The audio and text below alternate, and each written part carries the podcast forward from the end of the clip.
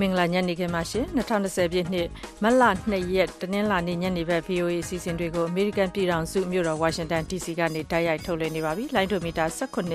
25တို့နဲ့အတူ VOA ရဲ့ Facebook စာမျက်နှာ VOA Burmese News ကနေပြီးတော့လည်းထုတ်လွှင့်ချိန်နဲ့တပြေးညီနားဆင်နိုင်ပါတယ်ရှင် ကျမခွာညိုပါခုညနေခင်းစီစဉ်တွေတာဝန်ယူပါမယ်ရှင်ကျမကတော့စုမြတ်မပါရှင်ကိုရိုနာဗိုင်းရပ်စ်ပိုးကြောင့်အမေရိကန်မှာ2ယောက်အပါအဝင်ကမ္ဘာတဝန်းသေဆုံးသူ3000ကျော်ရှိနေပါပြီဖိလစ်ပိုင်နိုင်ငံမှာလုံခြုံရေးအရာရှိဟောင်းတယောက်က shopping center တစ်ခုထဲမှာအမျိုးသားတယောက်ကိုပြစ်ခတ်ပြီးတဲ့နောက်အယောက်30လောက်ကိုတစားကန်ဖြစ်နေဖမ်းထားပါတယ်အခုလိုမျိုးနောက်ဆုံးရသတင်းတွေကိုကိုသားညိုဦးနဲ့အခြေညာပေးပါမယ်ရှင်အခုညနေခင်းဆက်ပြီးတော့နားဆင်ရမယ့်သတင်းလွှာတွေဆက်သွယ်မေးမြန်းချက်တွေထဲမှာတော့မြန်မာပြည်တွင်းမှာကိုရိုနာဗိုင်းရပ်စ်ဝင်ရောက်မှုပြန် ပြန့်နှံ့မှုတားဆီးရေးသက်ဆိုင်ရာတာဝန်ရှိသူတွေဘယ်လိုအရေးယူဆောင်ရွက်နေပါသလဲမြန်မာနိုင်ငံကိုဝင်ရောက်လာမဲ့ Silver Cruise ကျော်ပြီးသမောကိုမြန်မာနိုင်ငံစိတ်ကမ်းမှာကောက်ခွင့်ကိုကျင်းပယ်လိုက်ပါတယ်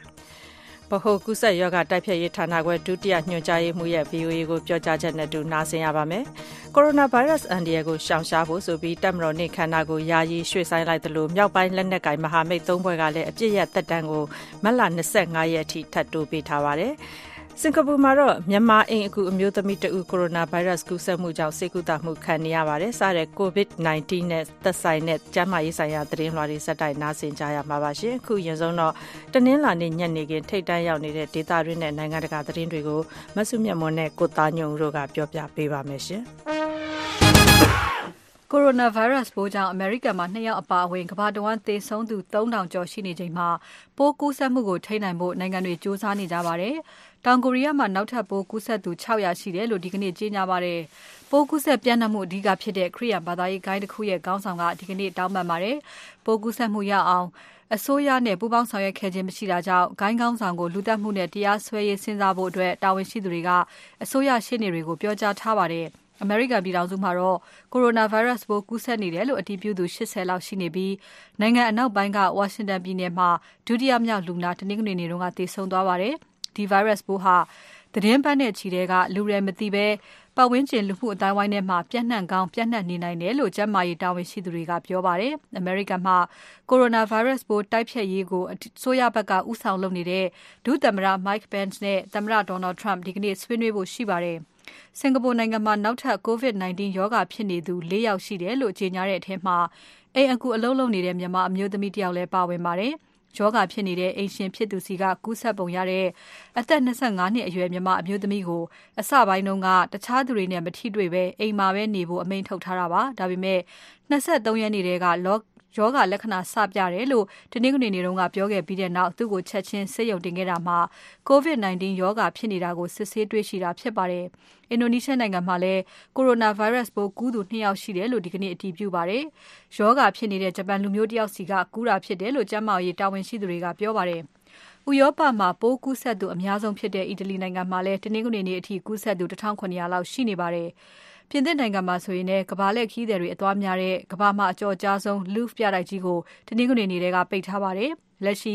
ကမ္ဘာနိုင်ငံ60ထဲမနည်းမှာကိုရိုနာဗိုင်းရပ်စ်ပိုးကူးစက်သူ8900ထဲမနည်းရှိနေပါတယ်။အခုတလင်းလာလေးမှာတော့ မြောက်ကိုရီးယားအနေနဲ့တပ်တူဒုံးလက်နက်နှစ်စင်းပြစ်ခတ်စမ်းသပ်မှုလုပ်ခဲ့တယ်လို့ တောင်ကိုရီးယားစစ်ဘက်က ပြောပါတယ်။မြောက်ကိုရီးယားနိုင်ငံအနေနဲ့ကိုရိုနာဗိုင်းရပ်စ်ပြန့်ပွားမှုကို ထိန်းချုပ်ဖို့ ကြိုးပမ်းနေရတဲ့တစ်ချိန်တည်းမှာပဲအခုလိုမျိုးဒုံးလက်နက်စမ်းသပ်မှုကိုပါ လုပ်လာတာပါ။ တောင်ကိုရီးယားစစ်တပ်စီဦးစီးအဖွဲ့ရဲ့ပြောရဆိုရင်တော့ဒုံးလက်နက်နှစ်စင်းကိုဝန်ဆွန်းဒေသကနေပြီးတော့မြောက်ကိုရီးယားအရှေ့ဘက်ကမ်းပင်လယ်ပြင်ထဲကိုပစ်လွှတ်ခဲ့တာလို့ဆိုပါတယ်။ဒုံးကြီးဟာအမြင့်35ကီလိုမီတာလောက်ကနေပြီးတော့ဒီ240ကီလိုမီတာမိုင်အားဖြင့်ဆိုတော့150နီးပါးအထိသွားခဲ့တယ်လို့ဖော်ပြပါတယ်။ဒီပြစ်ခတ်မှုနဲ့ပတ်သက်လို့မြောက်ကိုရီးယားဘက်ကတော့တစုံတရာပြောဆိုတာမရှိသေးပါဘူး။ပြီးခဲ့တဲ့သတင်းပတ်ကစတဲ့မြောက်ကိုရီးယားစီးလေးကျက်မှုအစိပ်ပိုင်းတရဖြစ်နေဒီလိုဒုံးကြီးပြစ်လွှတ်တာဖြစ်ပွယ်ရှိတယ်လို့တောင်ကိုရီးယားတာဝန်ရှိသူတွေကတော့ပြောပါတယ်။ ဒီလောက်ရအတွက်အလွန်တရာအဆိုးရမကင်ဖြစ်တဲ့အကြောင်းတောင်ကိုရီးယားမြို့သားလုံခြုံရေးကောင်စီကဆိုပါတယ်မြောက်ကိုရီးယားနိုင်ငံဟာပြီးခဲ့တဲ့နှစ်တွေအတွင်းကဆိုရင်တာတူနဲ့တာလက်ပစ်ဒုံးကျည်တွေ73ကြိမ်ပစ်ခတ်စမ်းသပ်မှုလုပ်ခဲ့ပါတယ်အမေရိကန်နဲ့နျူကလ িয়ার အရေးဆွေးနွေးပွဲကလည်းရပ်တန့်နေပါတယ်ဒီတစ်ချိန်ဒုံးကျည်စမ်းသပ်မှုကိုတွေ့ထားတာဆိုရင်အခုနှစ်ဆန်းကလေးကဆိုရင်တော့ဒါပထမဆုံးအကြိမ်ဖြစ်ပါတယ်ပြီးခဲ့တဲ့သတင်းပတ်တွေတုန်းကတော့မြောက်ကိုရီးယားအနေနဲ့ဒီကိုရိုနာဗိုင်းရပ်စ်ကာကွယ်တားဆီးရေးအရေးပေါ်ဆောင်ရွက်မှုတွေလုပ်ပါရပါတယ်ဒါဟာတိုင်းပြည်အတွက်သေးရှည်ပြဿနာဖြစ်တယ်လို့လည်းအာဏာပိုင်တွေကခေါ်ဆိုခဲ့ပါတယ် နိုင်ငံတွင်းမှာကိုရိုနာဗိုင်းရပ်စ်ကူးစက်ခံရသူမရှိသေးဘူးလို့ညှင်းဆန်နေပေမဲ့နိုင်ငံခြားခီးသွွားတွေကိုပိတ်လိုက်တယ်လို့ပဲရောက်လာတဲ့နိုင်ငံခြားသားတွေကိုတိကျခွဲထားတာနိုင်ငံခြားတန်တမန်တွေကိုသူတို့ဝင်းထဲကနေပြီးတော့ပေးမထွက်တာတွေသူလုပ်ခဲ့ပါတယ်လူ9000နီးပါးကိုတော့ကျန်းမာရေးအရစောင့်ကြည့်နေတယ်လို့မြောက်ကိုရီးယားအစိုးရပိုင်မီဒီယာကဖော်ပြခဲ့ပါတယ်။ အမေရိကန်ပြည်ထောင်စုမှာ သမ္မတလောင်းအဖြစ် ရွေးကောက်ပွဲဝင်နိုင်ဖို့ ကြိုးစားနေကြသူတွေထဲက Indiana ပြည်နယ် South Bend မြို့တော်ဝန်ဟောင်း Pete Buttigieg နုတ်ထွက်သွားပါတယ်။တောင် Carolina ပြည်နယ်မှာ စနေနေ့ကလုပ်ခဲ့တဲ့ ပါတီတွင်း သမ္မတလောင်း ပဏာမရွေးကောက်ပွဲမှာ အခြေအနေ မကောင်းဖြစ်ခဲ့ပြီး နောက်တရက်မှာပဲ သူဆက်မပြိုင်တော့ဘူးဆိုတာကို ကြေညာခဲ့တာဖြစ်ပါတယ်။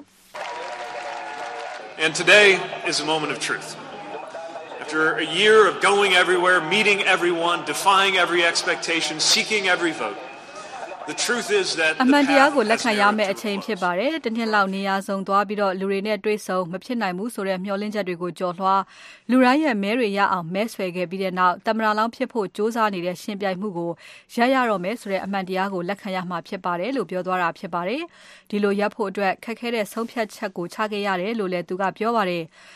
သမ္မတလောင်းဆက်လက်ရှင်ပြိုင်နေသူတွေထဲကဘယ်သူ့ကိုထောက်ခံတယ်ဆိုတာကို Pete Buttigieg ကမပြောပေမဲ့ရွေးကောက်ပွဲမှာ Democrat တွေအနိုင်ရအောင်သူအတတ်နိုင်ဆုံးလုပ်သွားမယ်လို့ကတိပေးခဲ့ပါတယ်။ Pete Buttigieg ဟာ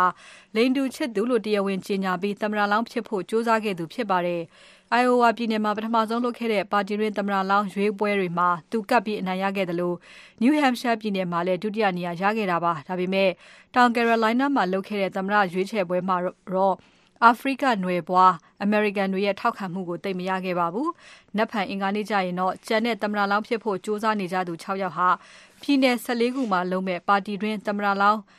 အတွက် မဲဆွယ်နေကြပါတယ်။သဘောထားစစ်တမ်းတွေအရ ဒုသမ္မတလောင်း Joe Biden ကတိခတ်မှာဒုသမ္မတဟောင်း Joe Biden က ပြည်နယ် ၇ ခုမှာ ရှေ့ပြေးနေပြီး Vermont ပြည်နယ် အထက်လွှတ်တော်အမတ် Bernie Sanders က ပြည်နယ် ၆ ခုမှာ အနိုင်ရနိုင်ခြေများနေပါတယ်။ Minnesota ပြည်နယ်အထက်လွှတ်တော်အမတ် Amy Klobuchar ကလည်း သူ့ရဲ့ နေရပ်ပြည်နယ်မှာ အနိုင်ရမယ့်ပုံရှိနေပါတယ်။အမေရိကန်ပြည်ထောင်စုမှာ နိုင်ငံသားအခွင့်အရေးလှုပ်ရှားသူတွေကို ရဲကနေပြီးရိုက်နှက်ဖြိုခွင်းခဲ့လို့ သွေးစွန်းတဲ့ တနင်္ဂနွေနေ့ဆိုပြီး လူသိများခဲ့တဲ့ Alabama ပြည်နယ်က Selma လှုပ်ရှားမှု55နှစ်ပြည့်တဲ့အထိမ်းအမှတ်မှာပဲ သမ္မတရွေးကောက်ပွဲအတွက် ဒီမိုကရက်ပါတီကိုယ်စားလှယ်လောင်းတွေ အဲဒီကို ရောက်ရှိခဲ့ကြပါတယ်။ လွန်ခဲ့တဲ့55နှစ်တုန်းကတော့နိုင်ငံသားအခွင့်အရေးလှုပ်ရှားသူတွေဟာ Selma ကနေပြီးပြည်နယ်မြို့တော်ဖြစ်တဲ့ Montgomery ကိုချီတက်ဖို့အဲဒီကတံတားကိုဖြတ်ကျော်ရာမှာရဲနဲ့ထိပ်တိုက်တွေ့ခဲ့တာပါ။ပြီးခဲ့တဲ့တောင် Carolina ပြည်နယ်မှာအာဖရိကန်နွယ်အမေရိကန်တွေရဲ့မဲတွေနဲ့ပါတီတွင်းရွေးကောက်ပွဲမှာအနိုင်ရခဲ့တဲ့ဒုတိယသမ္မတဟောင်း Joe Biden ဟာ Selma မှာရှိနေတဲ့ Brown Chapel ဘုရားကျောင်းမှာဝတ်ပြုဆုတောင်းသူတွေကိုမိန့်ခွန်းပြောပါတယ်။အဲဒီအချိန်တုန်းကအဖြစ်အပျက်တွေကိုသူကပြန်ပြောင်းအမှတ်ရပြောခဲ့ပြီးနိုင်ငံသားအခွင့်အရေးလှုပ်ရှားသူတွေကိုချီးကျူးခဲ့ပါတယ်။ New York မြို့တော်ဝန်ဟောင်း Michael Bloomberg ကလည်းအဲဒီအနီးမှာရှိတဲ့ Selma ဘုရားကျောင်းတခုမှာမိန့်ခွန်းပြောတော့လူတချို့ကသူ့ကိုကျောပေးပြီးဆန္ဒပြကြပါတယ်။သူ့ရဲ့ New York မြို့တော်ဝန်ဖြစ်စဉ်တုန်းကလူမည်းတွေနဲ့လက်တွင်တွေကိုပစ်မှတ်ထားခွဲခြားမှုတွေရဲကလုပ်ခဲ့တယ်ဆိုပြီး Bloomberg ကိုဝေဖန်မှုတွေရှိနေတာပါ။ နောက် Elizabeth Warren နဲ့ Amy Klobuchar အပါအဝင် အခြားဒီမိုကရက်ကိုယ်စားလှယ်လောင်းတွေလည်း Edmund Pettus တံတားကိုဖြတ်ပြီး ချီတက်ကြတဲ့အထဲပါပါတယ်။ဒါပေမဲ့လည်းလွန်ခဲ့တဲ့၅၅နှစ်တုန်းကဒီအဖြစ်အပျက်မှာပါဝင်ခဲ့သူတဦးဖြစ်တဲ့နိုင်ငံသားအခွင့်အရေးလှုပ်ရှားမှုခေါင်းဆောင်အောက်လွှတ်တော်အမတ် John Lewis ကအဲဒီပွဲမှာပိုပြီးနေရာယူလွှမ်းမိုးနေပါတယ်။သူဟာ Pancreatic ကင်ဆာအဆင့်၄ရင်ဆိုင်နေရတာမို့ဒီပွဲကိုတက်လာနိုင်ပါ့မလားဆိုပြီးလူတွေကစိတ်ထစ်ခဲ့ပါတယ်။၁၉၆၅ခုနှစ်မတ်လ၇ရက်နေ့မှာငြိမ်းချမ်းစွာချီတက်လာတဲ့ဆန္ဒပြသူတွေကို အဲဒီတံတားမှာပဲရဲကရိုက်နှက်လူစုခွဲတဲ့ဓါတ်ပုံတွေရုပ်သံသတင်းတွေထွက်ပေါ်လာပြီးသန်းနဲ့ချီအမေရိကန်တွေအတော်လေးတုန်လှုပ်ခဲ့ပါတယ်။အဲဒီနောက်နှစ်ရက်အကြာမှာတော့ Dr. Martin Luther King Jr. ဦးဆောင်ပြီးဒုတိယအကြိမ်ချီတက်ပြန်ပါတယ်။အဲဒီနောက်တတိယအကြိမ်မှာတော့တနိုင်ငံလုံးကဓမ္မဆရာတွေအမျိုးသမီးတွေပါပါပြီးနိုင်ငံသားအခွင့်အရေးလှုပ်ရှားသူနှစ်သောင်းကျော်ဟာ Selma ကနေ Montgomery ကိုချီတက်ခဲ့ပြန်ပါတယ်။ဒါကြောင့် Selma ချီတက်ပွဲဟာအမေရိကန်ပြည်ထောင်စုရဲ့နိုင်ငံသားအခွင့်အရေးလှုပ်ရှားမှုသမိုင်းမှာမှတ်တိုင်တခုလိုထင်ခဲ့ရရှိသလိုအဲဒီကနေတဆင့်၁၉၆၅ခုနှစ်မဲပေးခွင့်ဥပဒေလွှတ်တော်မှာပြဌာန်းနိုင်တဲ့အထိအောင်မြင်မှုတွေရှိခဲ့တာဖြစ်ပါတယ်ခင်ဗျာ။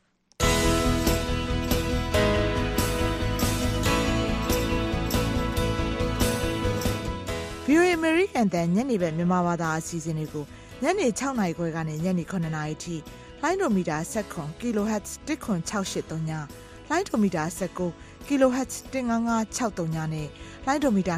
25 kHz 11965တို့ကနေထုတ်လွှင့်ပေးနေပါတယ်ရှင်။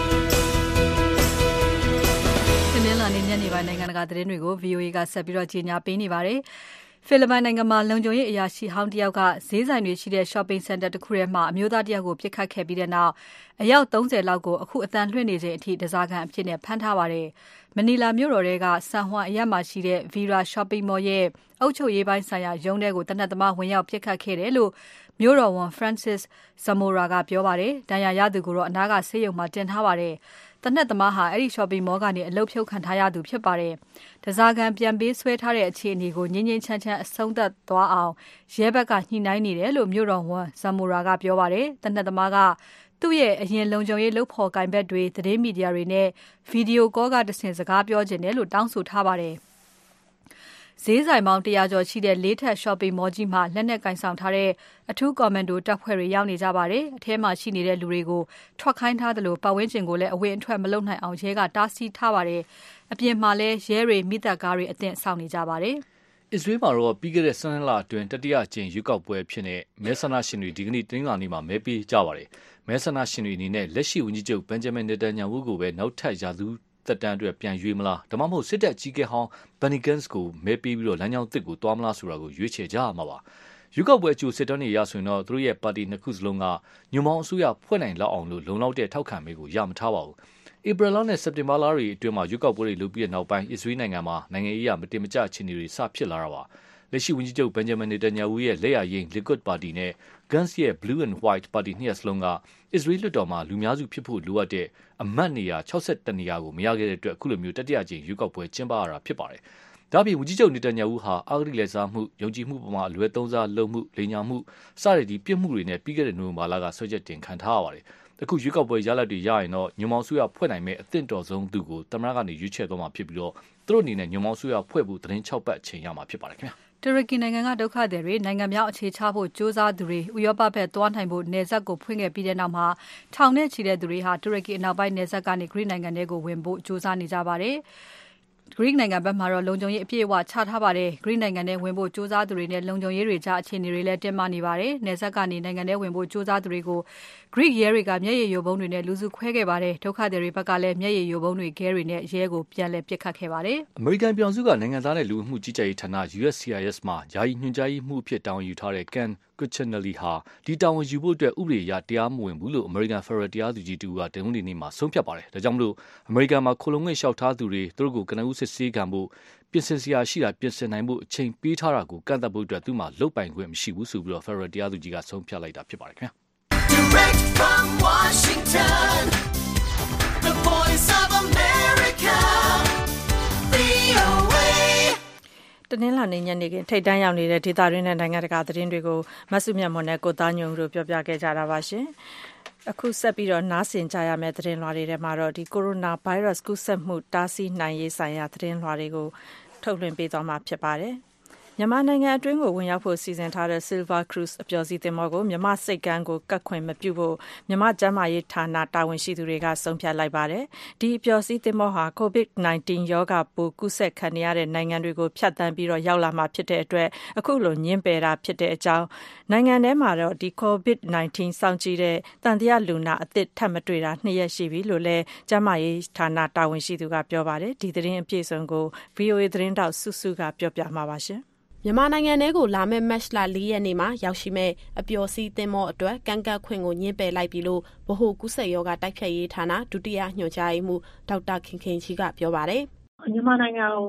ဝင်ရောက်လာမယ့် Silver Cruise အပျော်စီးသင်္ဘောကို မြန်မာနိုင်ငံဆိပ်ကမ်းမှာ ကပ်ခွင့်ကို ငြင်းပယ်လိုက်ပါတယ် အဲ့ဒီအပျော်စီးသင်္ဘောမှာခရီးသည်900နီးပါးနဲ့သင်္ဘောအမှုထမ်းပေါင်း400နီးပါးလိုက်ပါလာတာဖြစ်ပြီးထိုင်းနိုင်ငံဖူးခက်ကမ်းခြေကနေမြန်မာနိုင်ငံထဲကိုဝင်ရောက်ဖို့စီစဉ်ထားတာပါပြည်ထောင်စုဝန်ကြီးဒေါက်တာမြင့်ထွေးကအခုရောက်ရှိမဲ့အပျော်စီးသင်္ဘောဟာ COVID-19 ဖြစ်ပွားနေတဲ့နိုင်ငံတွေထဲဝင်ရောက်ခဲ့ပြီးဖြစ်လို့မြန်မာနိုင်ငံတွင်းကိုဝင်ရောက်ခွင့်မပြုသင့်ကြောင်းသက်ဆိုင်ရာကိုအကြံပြုတင်ပြထားတယ်လို့မနေ့ကအစည်းအဝေးမှာပြောခဲ့ပါတယ်။ ကျန်းမာရေးနဲ့အားကစားဝန်ကြီးဌာနက မနေ့က တနင်္ဂနွေမှာ ပြုလုပ်ခဲ့တဲ့ COVID-19 ရောဂါဆောင်ချက်ကြည့်ရှုရေးနဲ့ ကာကွယ်ထိန်းချုပ်ရေး ဗဟိုအဆင့် နေ့စဉ်ညှိနှိုင်းအစည်းအဝေးအပြီး အဲ့ဒီအပျော်စီးသင်္ဘောကန့်ကတ်ခွင့်ကိုညှင်းပယ်လိုက်ကြောင်း ဒီကနေ့မှပြောဆိုလိုက်တာပါ မြန်မာနိုင်ငံမှာ COVID-19 စောင့်ကြည့်တဲ့တန်တရားလူနာ အသစ်ထပ်တွေ့တာနှစ်ရက်ရှိပြီလို့ ဒေါက်တာခင်ခင်ကြီးက ဆက်ပြောပါတယ် မနေ့က ၈ နာရီထိကတော့တန်တရားနဲ့ စောင့်ကြည့်လူနာကတော့ အသစ်ထပ်မတွေ့တာတော့နှစ်ရက်ရှိပြီပေါ့နော်။45ယောက်ပဲ ရှိပါတယ်။ သံသယလူနာ2ယောက် စောင့်ကြည့်လူနာ43ယောက် အဲဒီ45ယောက်လုံးက သူတို့ရဲ့ အဖြေဖြေက negative ပါပဲ ဒါပေမဲ့လို့ ကျမတို့က negative ဖြစ်တာနဲ့ ဆေးရုံ တန်းပေးဆင်းတာမဟုတ်ဘဲဆေးရုံမှာ48နာရီပေါ့နှစ်ရက်ဆက်စောင့်ကြည့်ရတဲ့အတွက်ကြောင့်မို့3ယောက်ကတော့ဝေဘာဂီဆေးရုံမှာ မဆင်းရသေးဘူးပေါ့နော် ရှိနေပါသေးတယ် မြန်မာနိုင်ငံမှာ ခုချိန်ထိ COVID-19 ဓာတ်ခွဲအတည်ပြုလူနာ မရှိသေးပေမဲ့ရောဂါစောင့်ကြပ် ကြည့်ရှုရေးလုပ်ငန်းတွေကို တိုးမြှင့်ဆောင်ရွက်နေတယ်လို့လည်း ပြောပါတယ်။ ကျန်းမာရေးနဲ့အားကစားဝန်ကြီးဌာနက ပြည်သူတွေအနေနဲ့ လူစုလူဝေးနဲ့ ပွဲလမ်းသဘင်တွေကို ရှောင်ကျဉ်ကြဖို့ အပါအဝင် ကျန်းမာရေးနဲ့ အားကစားဝန်ကြီးဌာနက ထုတ်ပြန်ထားတဲ့ယောဂကာကွယ်ရေး ကျန်းမာရေးအသိပညာပေး နှိုးဆော်ချက်တွေကို လိုက်နာဆောင်ရွက်ကြဖို့ တိုက်တွန်းထားပါတယ်။လက်ကိုဆက်ပြာနဲ့ စနစ်တကျ မကြာခဏဆေးပေးဖို့ ချောင်းဆိုးနှာချင်ရင် ပါဇက်အုပ်ဖို့ တကိုယ်ရည်တန်ရှင်းရေးကို အလေးထားပြီး အာဟာရပြေဝအောင် စားတောက်နေထိုင်ဖို့နဲ့ နေမကောင်းဖြစ်နေသူတွေနဲ့ အနီးကပ်နေထိုင်တာ ရှောင်ကျဉ်ဖို့ကို နှိုးဆော်ထားပါတယ်။ တရုတ်နိုင်ငံဟူဘေးပြည်နယ်ဝူဟန်မြို့ကနေစတင်ဖြစ်ပွားခဲ့တဲ့ COVID-19 ကိုရိုနာရောဂါပိုးဟာအခြားနိုင်ငံပေါင်း68နိုင်ငံကိုကူးစက်ခဲ့ပြီးဒီကနေ့မတ်လ2ရက်နေ့လည်ခင်းစည်ရင်အရလူပေါင်း8900ကျော်ကူးစက်ခံနေရတာပါ။ဒါဟာကမ္ဘာလှည့်အပျော်စီးသင်းမော Diamond Princess ပေါ်ကကူးစက်ခံရသူ905ယောက်နဲ့သေဆုံးသူ9ဦးရဲ့စီးရင်ကိုပါထည့်တွက်ထားတာဖြစ်ပြီးသေဆုံးသူကတော့စုစုပေါင်း3000ကျော်အထိရှိနေပြီးတရုတ်နိုင်ငံမှာအများဆုံးဖြစ်ပါတယ်။ စုစုပြောပြသွားတာပါရှင်။အခုလိုကိုရိုနာဗိုင်းရပ်စ်ကြောင့်ဖြစ်တဲ့ကူးစက်မြန်ရောဂါ COVID-19 ကိုကာကွယ်ထိန်းချုပ်တဲ့အနေနဲ့မလ29ရက်နေ့မှာကျင်းပမဲ့85ကြိမ်မြောက်တပ်မတော်နေ့စီးရေးပြအခမ်းအနားကိုခေတ္တဆိုင်းငံ့ထားမယ်လို့တပ်မတော်ပြောခွင့်ရကပြောပါတယ်။တစ်ချိန်တည်းမှာပဲဒီ လက်နက်ကင် မြောက်ပိုင်းမဟာမိတ်သုံးဘွဲကလည်းစရုပ်ထအကြိမ်မြောက် အပြစ်ရကြေညာထားတဲ့ သက်တမ်းကိုမက်လ25ရက်အထိ ထပ်တိုးလိုက်ပြီး ငြိမ်းချမ်းရေးအတွက် တွေ့ဆုံဆွေးနွေးရေးတွေ နှောင့်နှေးနေရတာဟာ ကိုရိုနာဗိုင်းရပ်စ် ကူးစက်ပြန့်နှံ့နေတဲ့ အခြေအနေတွေကြောင့်လို့ ပြောပါတယ်။ VOA မြန်မာပိုင်းသတင်းတောက် နိုင်ကိုရင်က ဆက်သွယ်မေးမြန်း သတင်းပေးပို့ထားပါတယ်ရှင်။ဟုတ်ကဲ့ပါတမတော်အနေနဲ့ ကမ္ဘာ့ကျန်းမာရေးအဖွဲ့ WHO နဲ့ နိုင်ငံတကာမှ COVID-19 ကူးစက်မြန်ရောဂါ ထိန်းချုပ်နိုင်မှုနဲ့ ပတ်သက်ပြီး တိုးတက်မှုတစုံတရာထုတ်ပြန်မှသာစင်ရတုတမတော်နဲ့စေးပြခန္ဓာကျင်းပနိုင်ရေးဆက်လက်စီမံဆောင်ရွက်ဖို့ရထားပြီးအခုတော့စေးပြခန္ဓာကျင်းပဖို့ခေတ္တအဆိုင်ငံ့ထားတယ်လို့တမတော်ပြောခွင့်ရဗိုလ်မှူးချုပ်စောမင်းထွန်းကပြောပါတယ်ဒီကိုနာဘိုင်းနဲ့ပတ်သက်လို့ကျွန်တော်တို့ဒီဘဝကျန်းမာရေးအဖွဲ့ကလည်းထုတ်ပြန်ထားတာရှိပါတယ်မြန်မာနိုင်ငံမှာကျန်းမာရေးနဲ့အားကစားမှုဆိုင်ရာထုတ်ပြန်ထားတာရှိတယ်ကျွန်တော်တို့ဒီနေ့ဒီယောဂကာကွယ်ရေးလုပ်ငန်းစဉ်တွေနဲ့ပတ်သက်လို့ကျွန်တော်တို့တမတော်နဲ့စေးပြအခမ်းအနားတွေကို စစ်တပ်ပိုင်းကလာဖြစ်ပါတယ်။ WHO တို့အပြင်အဖွဲ့အစည်းတွေကနေဒီယောဂထိန်းချုပ်နိုင်မှုအဆင့်နဲ့ပတ်သက်လို့ပြန်ပြီးကြေညာလာတယ်။ဆက်လက်ကျင်းပပြုလုပ်ဖို့အတွက်ကိုတော့ယာထားထားတာမတ်လ29ရက်နေ့မှာ ကျင်းပလေ့ရှိတဲ့တမတော်နေ့အခမ်းအနားကျင်းပဖို့ ရက်ရွှေ့ဆိုင်းလိုက်တာဟာခုပထမဆုံးကြိမ်ဖြစ်တယ်လို့လည်း ပြောပါတယ် အလားတူ မြန်မာစစ်တပ်နဲ့ စစ်ရေးသိမ်းမှနေစေမြောက်ပိုင်းညီနောင်မဟာမိတ်တုံးဖွဲ့ဖြစ်တဲ့ ရခိုင်လက်နက်ကိုင် AA ဖွဲ့တန်းပလောင် TNLA ကိုကန်တပ်ဖွဲ့ MNDAA တို့ကလည်း မတ်လတရက်နေ့ကစပြီး25ရက်နေ့အထိစရုပ်သားကျိန်တစ်ဖက်သက်အပြည့်ရကြောင်းထုတ်ပြန်ခဲ့ပါတယ်ဒီလိုအပြည့်ရကြီးညာတာဟာလာမယ့်တွေ့ဆုံဆွေးနွေးရေးမှာထိထိရောက်ရောက်ဆွေးနွေးနိုင်ဖို့ဖြစ်ကြောင်းနဲ့ဆွေးနွေးပွဲကြံ့ကြံနေရတာဟာလက်ရှိရင်ဆိုင်နေရတဲ့ကိုရိုနာဗိုင်းရပ်ရောဂါကူးစက်ပြန့်နှံ့နေတဲ့အခြေအနေကြောင့်လို့မြောက်ပိုင်းမှာမေအဖွဲ့ဝင်ရခိုင်လက်နက်ကိုင်ဖွဲ့ပြောခွင့်ရခိုင်တုခကပြောပါတယ်ဟိုအဓိကအကြောင်းရင်းကတော့ဆွေးနွေးနေတဲ့ကာလမှာเนาะဒီဆွေးနွေးပွဲတွေကိုပို့ပြီးတော့ဒါထိထိရောက်ရောက် ဖြစ်စေချင်တဲ့အတွက်ကြောင့်မို့လို့ကျွန်တော်တို့ဘက်ကဖက်တာပိခါရစေးကိုတက်တန်းထပ်ပြီးတော့15ရက်တိုးတာထိုးစစ်တွေကိုရပ်တန့်ထားလို့ရှိရင်ယုံကြည်မှုတည်ဆောက်ရေးမှာပို့ပြီးတော့ဒါအထောက်အကူဖြစ်မယ်ဆိုတော့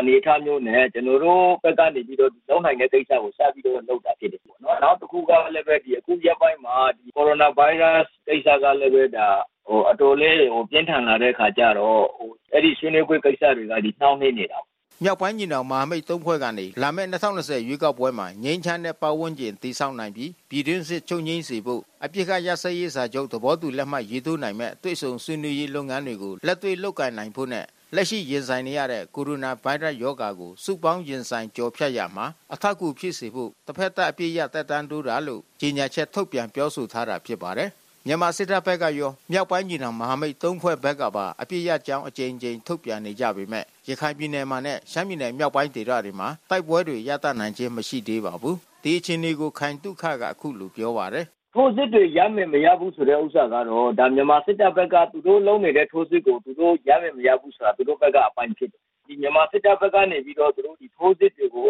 ဟိုကျွန်တော်တို့ဒီညီနောင်မဟာမိတ်နေမြေတွေမှာဟိုဆက်တိုက်လုံးနေတာပေါ့နော်အထူးသဖြင့်ကျွန်တော်တို့ရခိုင်ဘက်မှာဆိုလို့ရှိရင်လည်းပဲ အင်အားအလွန်ကြံသုံးပြီးတော့မှထိုးစစ်တွေကိုလုပ်နေတယ်ဒီဘလောင်ဒေသမှာလည်းလုပ်တယ်ကိုကန့်ဒေသမှာလည်းသူတို့ဆက်တိုက်ထိုးစစ်တွေရှိတယ်မြောက်ပိုင်းညီနောင်မဟာမိတ်သုံးဖွဲ့ကနေတစ်ဖက်သားပြရကြောင်းထုတ်ပြန်ချက်ပေါ်မှာတမတော်ဘက်ကတစုံတရာမှတ်ချက်ပေးပြောဆိုတာမရှိခဲ့ပါဘူးစီရေးသိမ်းမှနေစေမြောက်ပိုင်းညီနောင်မဟာမိတ်သုံးဖွဲ့နဲ့မြန်မာငင်းချမ်းရေးကော်မရှင်အဖွဲ့တို့တွေ့ဆုံမယ်လို့သတင်းတွေထက်ပေါ်နေပေမဲ့တွေ့ဆုံကြမဲ့အချိန်နဲ့နေရာကိုတော့အခုချိန်ထိအတိမပြုတ်နိုင်သေးပါဘူးခင်ဗျာ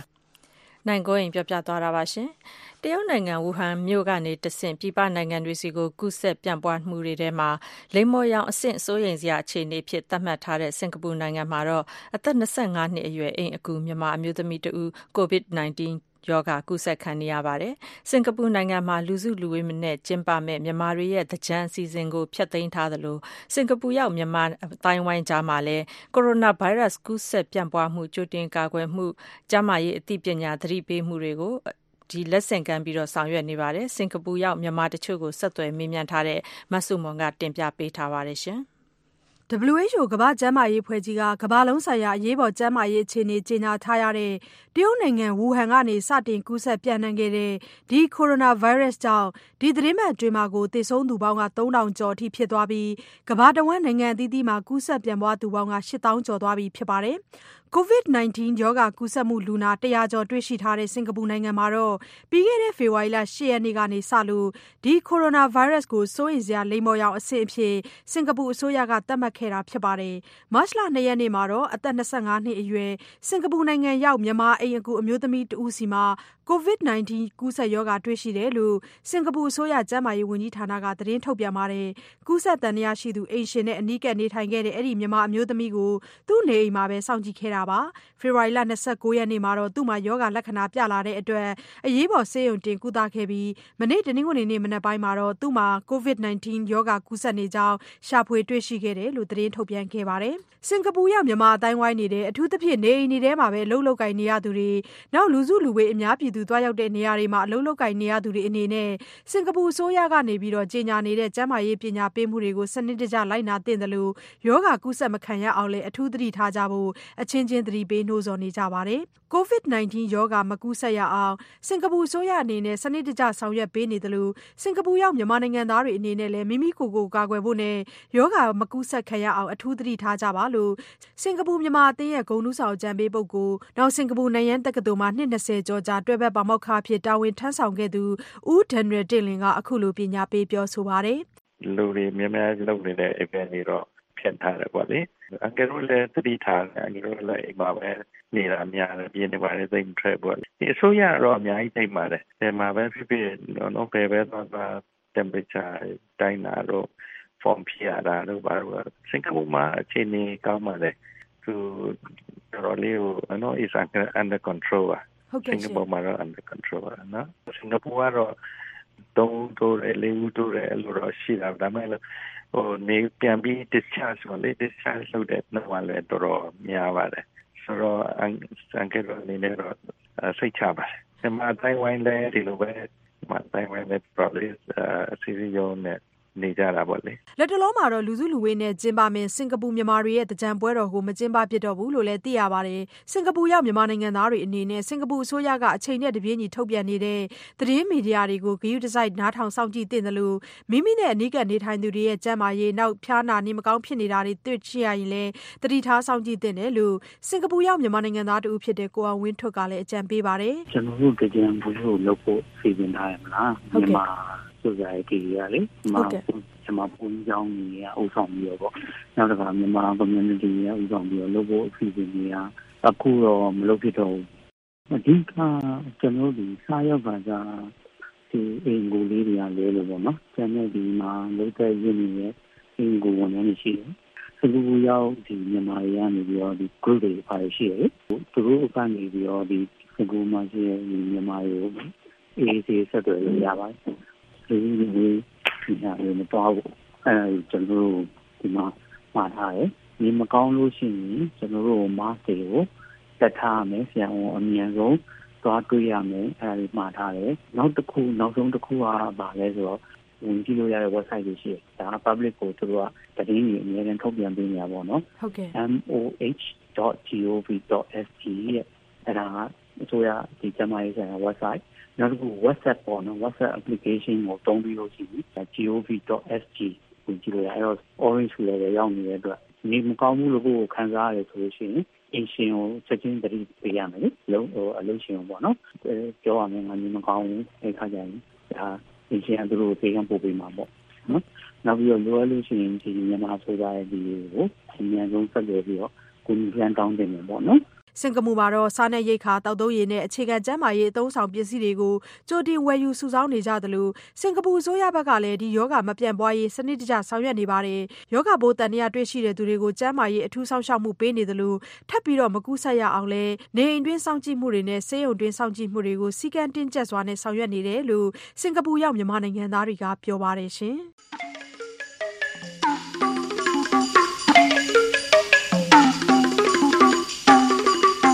တော်ရှိပါခင်ဗျာမြန်မာနိုင်ငံမှာလူနည်းစုတွေအပေါ်မှာခွဲခြားဆက်ဆံတဲ့ဥပဒေနဲ့မူဝါဒတွေဟာနှစ်ပေါင်းများစွာကလေးကရှိနေပြီးတော့မြန်မာလူခွင့်ရေးတိုးတက်လာဖို့ဆိုရင်တော့အဲ့ဒီဥပဒေနဲ့မူဝါဒပြင်ဆင်ရေးတွေကိုဆောင်ရွက်ရလိမ့်မယ်လို့လူခွင့်ဆိုင်ရာကုလသမဂ္ဂမဟာမင်းကြီးကအခုဒီကျင်းပနေတဲ့လူခွင့်ကောင်စီညီလာခံအတွင်းမှာထောက်ပြခဲ့ပါတယ်ဒီမိုကရေစီအသွင်ကူးပြောင်းရေးလှုပ်ဆောင်နေတဲ့မြန်မာနိုင်ငံမှာဒီလိုမူဝါဒတွေတကယ်ပဲရှိသေးရဲ့လား လက်ရှိဒီမိုကရေစီရတာအစိုးရကရောဒီလိုထောက်ပြနေတဲ့မူဝါဒတွေကိုပြုပြင်ပြောင်းလဲဖို့စိတ်ဆန္ဒရှိရလားလာမယ့်အင်္ဂါနေ့ညဒဲလီလိုက်အစီအစဉ်မှာသုံးသပ်ဆွေးနွေးပါမယ်။ပဝန်ဆွေးနွေးမြင်းမြလူတဲ့သောရရှင်တွေအနေနဲ့ကိုယ့်ရဲ့တယ်လီဖုန်းနံပါတ်တွေကြိုတင်ပေးပို့ထားမယ်ဆိုရင်ဒဲလီလိုက်အစီအစဉ်လွှင့်ထုတ်တဲ့အချိန်မှာခေါ်ယူမှာဖြစ်ပါတယ်။ဒါမှမဟုတ်ကိုယ့်ရဲ့အမြင်ကိုယ့်ရဲ့မိကုန်းတွေကိုစာနဲ့ဖြစ်စီအတန်ဖိုင်နဲ့ဖြစ်စီကြိုတင်ပေးပို့ထားလို့လည်းရပါတယ်။ VOA မြန်မာပိုင်းဖုန်းနံပါတ်က123235554ဖြစ်ပြီးတော့ email လိပ်စာက burmese@voanews.com ဖြစ်ပါတယ်။ပါဝင်ဆွေးနွေးမြင်းမြန်းကြမယ့်သရရှင်တွေကိုကျေးဇူးပါရခင်ဗျာ။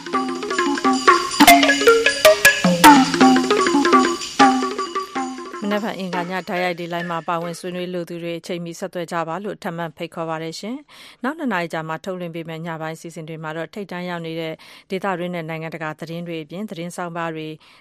ဆက်သွယ်မေးမြန်းချက်တွေနဲ့မြန်မာတခွင်အစီအစဉ်စီးပွားရေးကဏ္ဍဘလော့ဂါတွေပြောသမျှနဲ့တက်တန်ရောင်သတင်းလွှာစတဲ့သတင်းပတ်စဉ်ကဏ္ဍတွေကိုလည်းနားဆင်ကြရမှာပါရှင်။လိုင်းဒိုမီတာ25 32 51ပထမနိုင်ဝက်မှာလိုင်းလက်မီတာ190တို့ကနေဓာတ်ရိုက်ဖန်ယူနားဆင်နိုင်ပါတယ်ရှင်။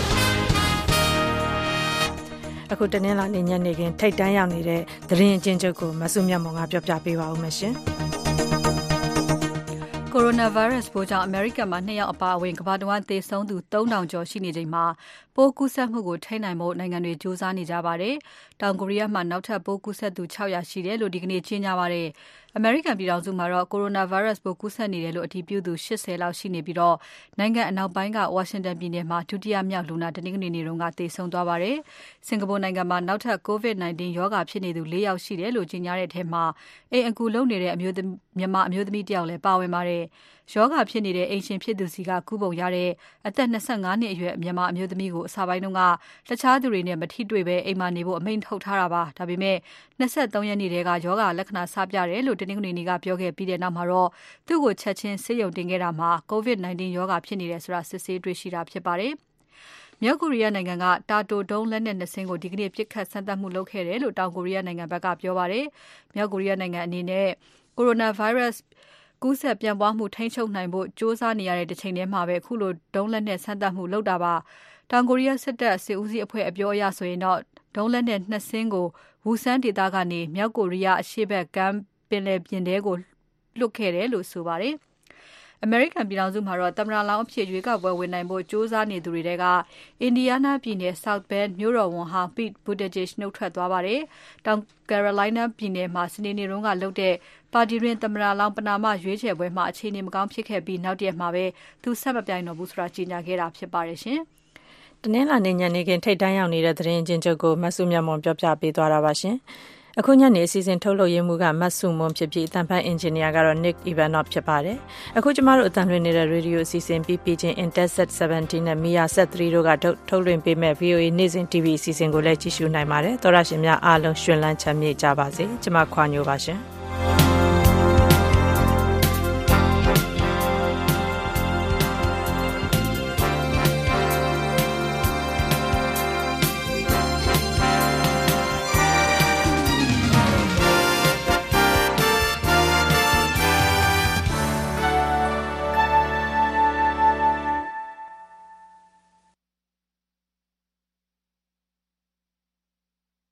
This program has come to you from the Voice of America, Washington.